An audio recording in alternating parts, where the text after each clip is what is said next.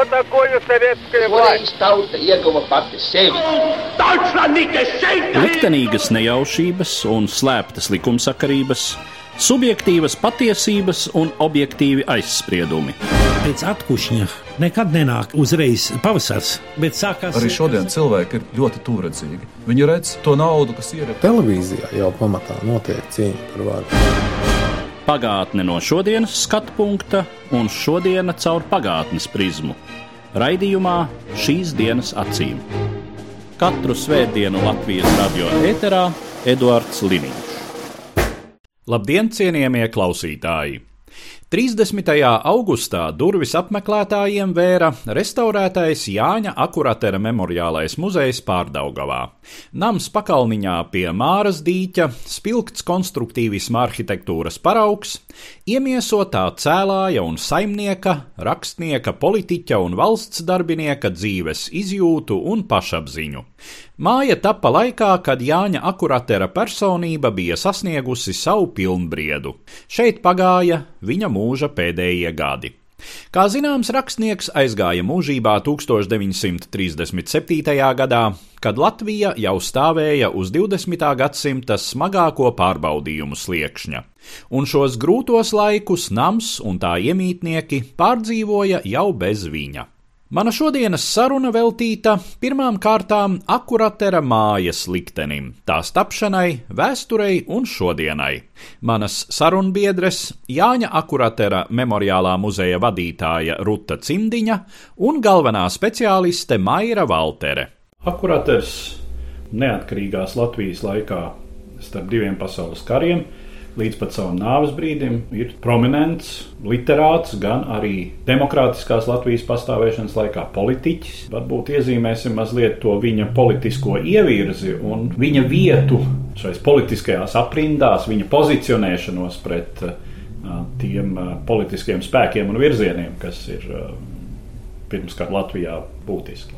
Pirmskara Latvijā arī bija daudz partiju, varbūt pat vēl vairāk kā tagad. Akroters to redzējumu. Tad, kad Ulmais savāca visus, kā saka, un iztaisa apvērsumu, tad akurat pirmais teksts ir, ka tas bija jādara. Bet skatīsimies, kādi būs darbi. Jo partijas bija pilnīgi izsūkušas tautas pacietību. Tā var no akrotera saprast.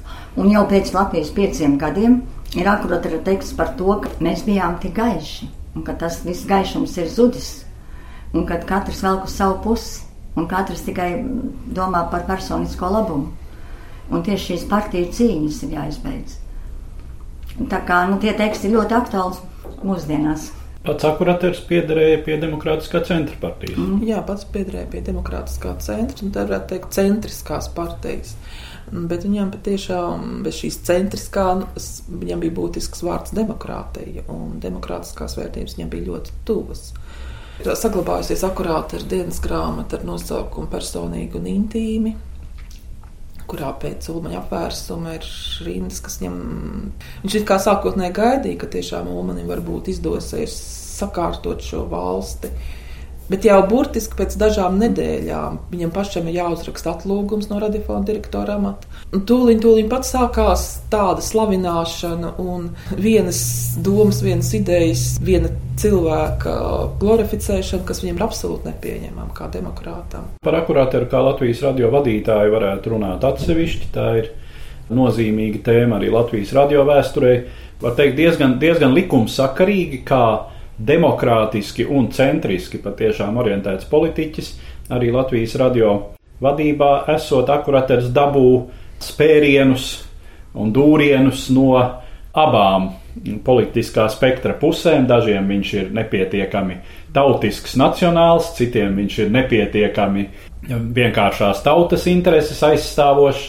Nu, tas ir centriski orientēta politiķa un centriski orientēta sabiedriska darbinieka liktenis šķiet jebkurā politiskā sistēmā. Tātad uh, viņš izrādās nepietiekami uzticams, nepietiekami regulējams, ar nepietiekami pareizu reputāciju uh, Ulmaņa režīmam, un, uh, un viņam ir šis amats jāatstāj. Bet te nu mēs esam nonākuši pie tā brīža, kad faktiski arī tieši šajos gados top šis nams, kurā mēs šobrīd runājam. Tā ideja jau par māju ir bijusi ātrāk. Tāda ieraksta ir viņa blociņos, kad viņš apraksta, saka, savu iedzīvi, savu iekārtu, kāda viņam ir. Vienā pusē gleznas aprakstītas, otrā pusē iekārta. Viņi dzīvo Blaumaņielā, lielā dzīvoklī, bet ir ilgas pēc savas mītnes, pēc savas mājas. Un šī vieta tiek meklēta. 17 autoru darbi ir aptvērti ar kolekcijām. No dažu autoru ir vairākas gleznas, piemēram, Oskars Kalējs mums ir desmit gleznas aptvērti ar kolekcijām. Tāpat Toni Ubāns ir vairākas gleznas. Nu, tā kā tā doma par savu māju ir bijusi, un bez tam arī draugiem Konrādam Ubānam jau ir māja.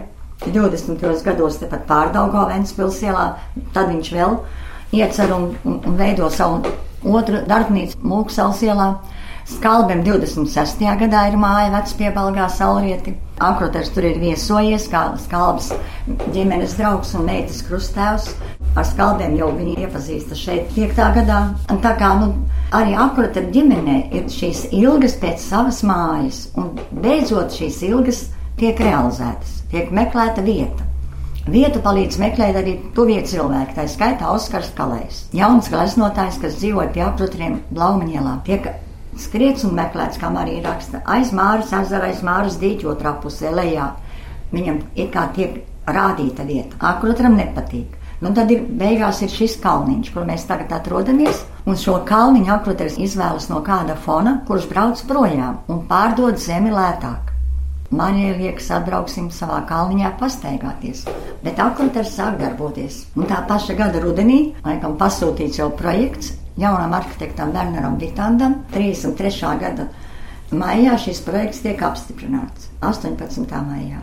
Uz Marijas vārda ģimenes mājas būvniecības projekts Altonovas ielā 6. Un tā paša gada rudenī mēs jau ienākam dzīvot jaunajā mājā. Nepabeigtajā jaunajā mājā. Rakstam arī. Runājot par šo māju, nu, protams, katrs jau to var apskatīt gan no iekšpuses, gan no ārpuses, bet eh, tā laika tādā dzīves stila, veida un dzīves kvalitātes eh, kontekstā, arhitektoniskā risinājuma, tradīciju kontekstā. Eh, Latvijā, nu, ko mēs varam teikt par šo saurupnām? Māja pieder funkcionālismu stilam. Bet atšķirībā no virkne mājām, kas ir Māras dīķi un kuras ir būvētas 30. gados šajā funkcionālismu stilistikā, akurāt ir māja no koka. Un tas ir tāds nu, brīnums, brīnums, jo pārsvarā šī funkcionālisma ēkas būvēja tomēr mūrēkas. Un, ja iepriekš 20. gadsimta sākums ir ar šīm jūgenstila greznajām fasādēm, kur tas skaistums tika ieraudzīts vai no augu, vai skulptūru, vai dekoru izmantojumā, tad funkcionālisms ienāca ar pilnīgi citu ideju, ienāca ar to, ka skaista ir ģeometriska forma Skaista ir faktūra, skaista ir lūk, šī pati siena, šī koka faktūra. Un var spēlēties ar šo vienu gaišo plāksni, liekot pretī otrai geometriskajai formai, otrai tumšai plāksnei un veidot šo geometrisko rakstu. Katrs mums telpas griezt ir savu finieru plākšņu, veidot to geometrisko rakstu un, un kā ar šo it kā vienkāršo materiālu panākt estētisku iespēju. Un, uh, es domāju, ka tā bija ļoti laba sadarbība starp jaunu arhitektu, kurš domāja šajā funkcionālistiskā stilistikā, un akurātori, kurš vēlējās, lai viņa māja ir koka māja. Un tas rezultāts ir ļoti jauks. Bet, protams, akurāti ir šeit ienācis šajā mājā ar visu savu dzīvi. Un tā viņa dzīve, tas viņa kā dzīvnieka uzplaukums, aizsākums, tas ir jūgenstila laikmets. Mums ir atsevišķi jūgenstila priekšmeti, vai tās ir klavieres ar jūgenstiliskiem rakstiem, vai akurāti ir gulta. Gultas ir jūgenstiliskā sēga, kas ir liels retums. Bet tas ir arī, nu, arī tas veids, kā dzīvoja latviešu inteliģence. Līdz pat 20. gadiem modē ir Biedermējers. Tāpēc arī lielākā daļa mūsu mēbeļu ir Biedermēra stilistikā. Savukārt šajā gaišā salonā, kurā mēs šobrīd runājam, ir mēbeles, kas tiek pirktas speciāli šai mājai. Bet tas nav ne art deko, ne, nekas tāds, kas būtu tajā brīdī moderns bet tas ir tāds Lūijas 16. stila atdarinājums. Tie tiek pirkti antikvariātā, Jēlgavā. Jo akurātam ir ļoti būtiski, ka no vienas puses mēs kamīnu zālē varam ieraudzīt nu, tādu latvisko zemniecisko kultūru, estetizētu strunkas veidotiem lukturiem. Un otrs puses ir šis aristokrātiskais, šis smalkais, šis franciskais laikmets. Un viņam svarīgi, ka tas viss ir kopā viņa mājā, ka tā ir viņa tā pasaule. Nu, Akurateram kopotos rakstus 30. gados, 28. gadā, kad šis rokraksts rakstīts, izdod roze visus 12 sējumus, kur nav iekšā visi akuratera darbi. Roze dabū atkārtot izdod, jo sējumi tiek izpirkti. Akurateris skaitās jaunāko ziņu korespondents. Akurateram tāpat kā citiem dižiem autoriem visiem Latvijas sudraba laikmetā paudzē māksliniekiem, klasnotājiem Beņģamiņa maksā katram 200 latu algu, plus ir honorāri. Bet tikpat, lai celtu šo māju, šā vai tā Marija iet uz hipotekām. Tā pašā laikā Akrodaļs saņem arī vēstules ar lūgumu palīdzēt, kas netiek atraidīts. Tā kā nu, māja arī netiek gatava tieši 33. gadā, kaut arī ģimene ienāk šeit dzīvot, tik un tā mājai vēl daudz ko vajag. Un Dievs svētīta māja laikam tiek tikai 34. gada vēlā rudenī, par ko skalda raksta savās atmiņās. Un vēl, kas Maira teica, ka, protams, funkcionālisma stils un divreiz jaunāks arhitekts nekā pasūtītājs, akurators, bet tai pašā laikā akurators daļradē visu laiku ir savādāk es darīšu. Es gribu savādāku māju, māju no koka, māju no saules. Mājai pāri staigā saule visu dienu, it kā saule vada šo gaitu šai mājā. Sākas ar mazo istabiņu, kur Lībijas tante dzīvo vai kalponīte Elza, tad ir Marijas istaba un tālāk ir, kur ģimene pulcējas mazajā ēdamistabā, un tad ir lielā viesistaba kamīna zāle vakar saulē, un atkal gaišais salons vakar saulē. Māja arī ir ļoti atvērta, jo projām mājas teritorija iežogo šis drāšu žoks. No tiem laikiem Akurat arī nepaspēja, protams, bet zemiņa dobes ir tomēr iekārtotas bijušas. Ir bijuši jāņo krūmi, kas tiek kopti, un celiņu un lapeni, ko veido dabīgi augušie gan akācijas, gan jasmīni. Vīnstīgas ap mājas kolonnām, lūk šī kolonāda. Maira jau teica par tām koka paneļu plāksnēm un par kolonām, kad akrodaras to ierauga gan Norvēģijā, gan arī Skalbas māja, Saurieti. Kādreiz arhitekta Ausmas Kuņa gribēja sarakstīt grāmatu par divām mājām īpašām Latvijas arhitektūras vēsturē. Tā būtu akurāta māja plus skalbas māja saulrieti. Nu, tās ir divas tādas savādākas mājas. Tas patiešām savādāks. Un tā kā akurāta laika biedri teica, ka lūk, šī māja starp lieliem kokiem, ko izdodas akurātam uzcelt, vienmēr ir atstājusi to savādāko iespēju, kas akurātam bija būtiski tiešām var piekrist, ka esot šais telpās ļoti patīkami uzturēties, tad eh, jā, tas saulainums, dabīgā koka siltums. Un līdz ar to tā visa radītā omulība tā ir atmosfēriski absolūti neatkārtojama. Un eh, līdzīgi, protams, ļoti līdzīga izjūta ir arī skalbas mājā, saulrietos. Kā zināms, akuraters um, pagūst šai mājā nodzīvot vien dažus gadus. 1937. gadā viņš aiziet mūžībā, starp citu, šogad apritēja 80 gadi kopš viņa aiziešanas. Kas ar šo māju notiek pēc tam tā īsi ieskicējot nama likteni uh, līdz brīdim, kad nu, mēs šeit esam šobrīd, tai atjaunotajā akuratera namā.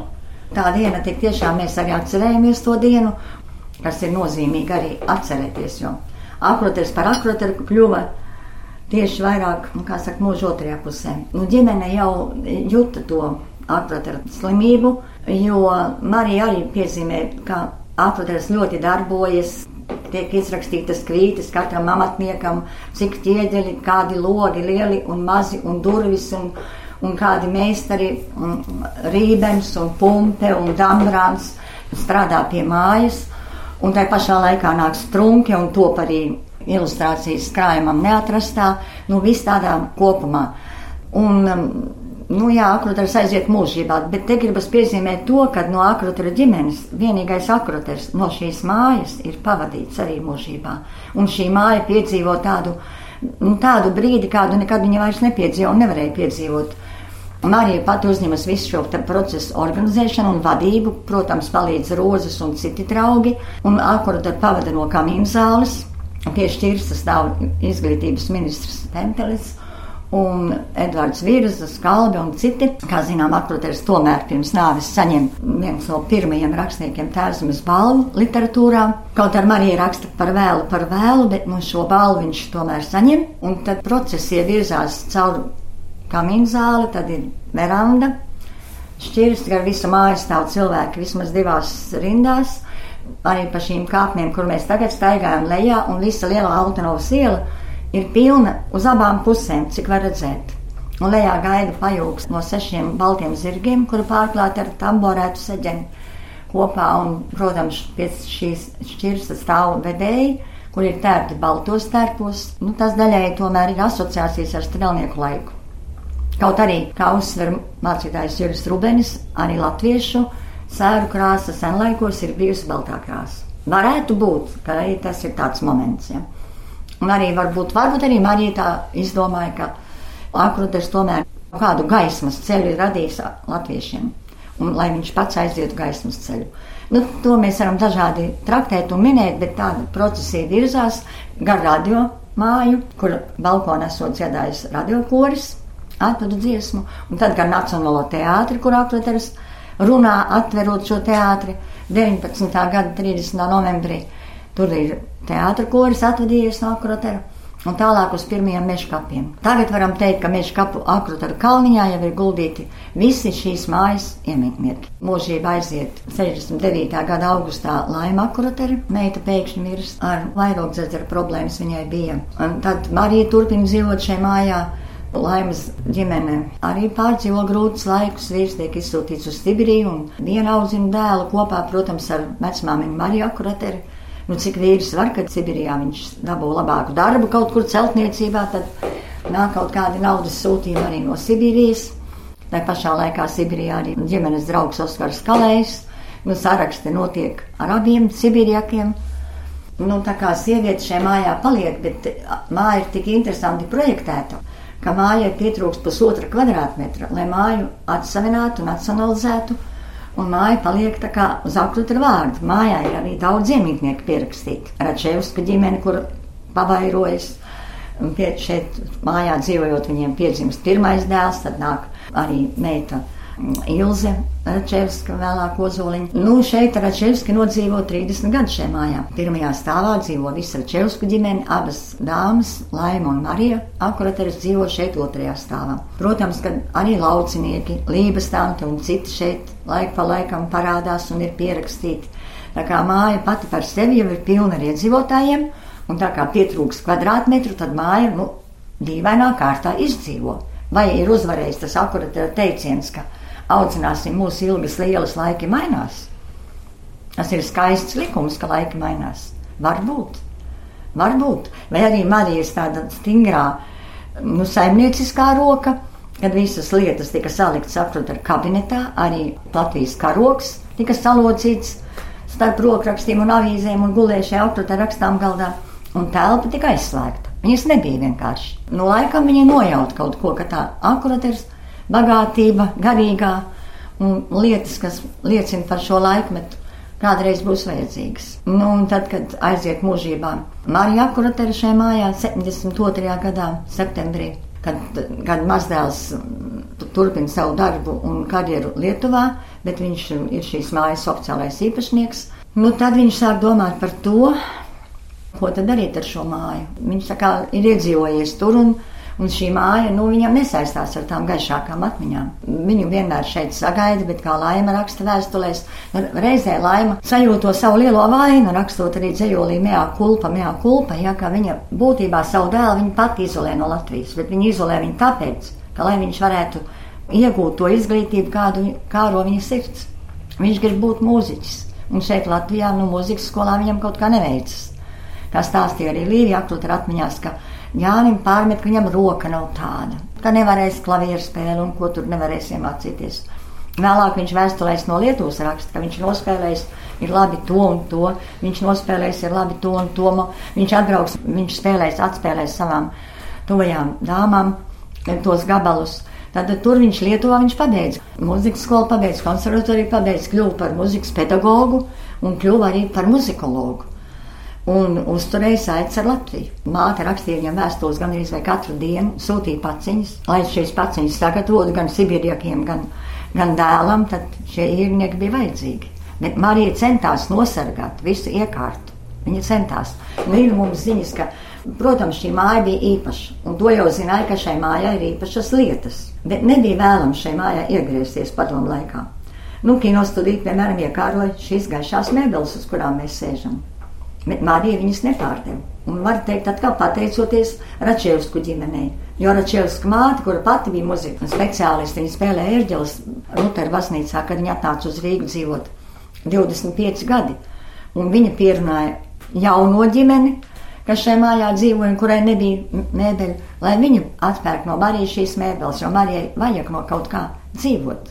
Abām dāmām nebija pensijas. Tad arī Račevska tā izdara. Un Račevski pirmie šīs mēbeles paglābi, savu iespēju robežās viņas restaurē un arī lieto un iemīl šīs mēbeles. Vēlākos gados, kad top muzejs, Račevska, protams, nenoliedz to, ka viņiem ir šīs mēbeles ļoti mīļas un tuvas, bet viņi ir gatavi, protams, šīs mēbeles atdot muzejam. Un tas arī tā notiek. Nu, tagad jūs redzat šīs gaišo iekārtu, par ko jau mēs te runājām. Luja 16. stila mēbeles atkal šeit, akrota gaišajā salonā, kurš ir bijis domāts tātad ciemiņiem. Otrā stāvā tad mēs redzam, ka katram mājas iedzīvotājiem, ģimenes loceklim ir viena telpa. Tā pašā laikā šī telpa ir darba telpa, kabinets. Vienam cilvēkam tas ir rakstām galds kā dzēniekam, otram tas ir sekretārs, kā laimai, jaunai studentei, arī dzēniecei topošai. Tas ir skaists sekretārs, Marija, tas ir rokdarbu galdiņš, piemēram, vēl kāds apaļš galdiņš, kura pagaidām mums nav. Augšā tā kā katram bija savs kaktiņš, savs stūrītis, meditācijai, pārdomām un arī radošam darbam.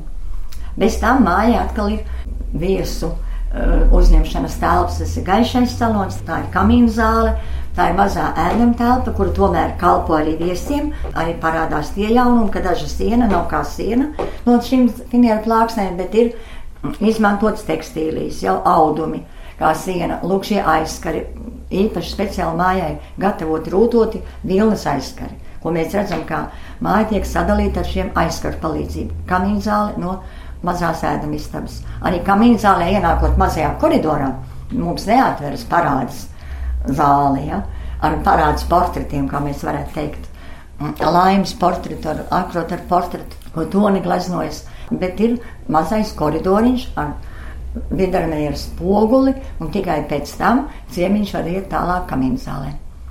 Un vēlāk vakarā viņi pavada varbūt caur verandu, caur stikloto verandu, kura sasilst no, no saules visu dienu, kas spīd verandā, vēlāk caur verandu.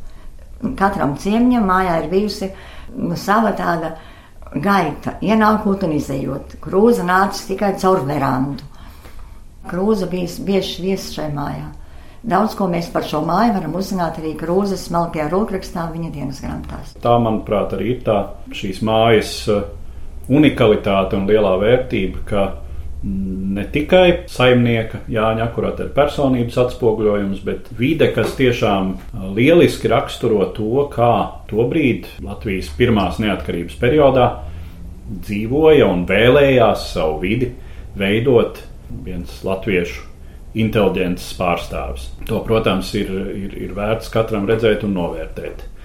Nu, un tā kā tagad akurāta ar māju ir atguvusi kādreizējo spožumu, es tā gribētu teikt, svaigi atjaunota, pildīta ar šīm daļēji autentiskajām mēbelēm, daļēji atrastiem laikmetu priekšmetiem, tad eh, pāris vārdus par to, kādi ir jūsu šī brīža un nākotnes plāni, kā muzejs plāno darboties un ko jūs piedāvājat saviem apmeklētājiem. Nu, mums ir dažādas idejas. Protams, tās būs nu, mājas apskata kā tāda. Kā tas ir ienākot šādā mājā, mēs varbūt pat nestāstām. Nu, varbūt cilvēks grib, lai viņš pats ienāk un vai māja runā vai nerunā. Vai lietas stāsta. Lietas stāsta ļoti daudz. Par tām mums arī būs daudz programmas. Gan muzeja pedagoģiskās, gan savādāk.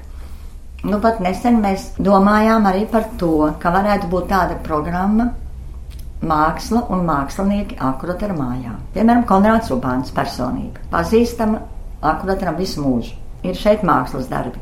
Un tā tālāk, tāda vesela programma, par ko mēs varam ļoti daudz runāt.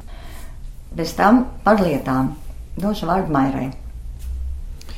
Nu, jā, mums ir iecerē arī pasākumu cikls, kurā mēs Pastīties uz dažām lietām. Nu, piemēram, Marijas istabā mums ir smāršu trauks, kas mums aizved uz Parīzi. Un ne tikai uz Parīzi, bet arī pat uz Japānu, jo tas ir saistīts ar Kloda Ferēra romānu. Šajā pasākuma ciklā varētu būt pasākums, kurā mēs izstāstīsim gan šo leģendu par šīm smaržām, gan arī gan arī par Klauda Freira romānu. Un, un, grāmatu skapī mums ir grāmata ko akurātoram ir uzdāvinājuši Dunkana akadēmijā.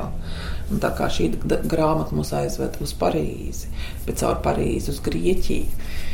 Būs pasākumu cikls, kas būs veltīts lietu stāstiem, un kā šīs lietas mums izvedā pa visu pasauli plašo. Tā ir viena no iecerēm. Un vēl viena no iecerēm, mēs, protams, šeit akurāti ir mājā redzam šobrīd ļoti, ļoti daudz no akurāti ir saglabātās kolekcijas. Bet ir viena ir kolekcijas daļa, nu, ko nevar eh, tā noeksponēt, un, kas ir ļoti būtiska, un tās ir vēstules. Tā kā būs arī pasākumu cikli, kuros mēs publiski lasīsim gan akurāti ar vēstules, gan arī citas vēstules, kas glabājās rakstniecības un mūzikas muzeja krājumā. Un šie vēstuļu stāsti ir gan jau manas piemēram minētās akurāti ar pašu sarakstu ar sievu Mariju gan ar citām viņa mūzām un, un, laika biedriem. Tā ir brīnišķīga, brīnišķīga informācijas krātuve par laikmetu un par notikumiem. Mums arī šobrīd top arī paralēli filma Kafijas plīņa, jeb augusts 1914, kur pamatā ir tā akcija, kas mums bija 2014. gadā, kad Rīga bija Eiropas kultūras galvaspilsēta. Un šī filma stāsta par mākslinieku likteni Pirmā pasaules kara laikā un par visu šo Latvijas tapšanu, bet arī par to, cik karš ir klātesošs, nemitīgi bijis gan, gan, gan 20. gadsimta, gan 21. gadsimta cilvēku apziņā, un kā tas ietekmē literātus, māksliniekus. Cilvēkus. Tā kā arī par šo mums top šī filma, kāpēc plīna, cerams, ka mēs šo pabeidzam. Būs iespējams pirmizrādes arī akurāti.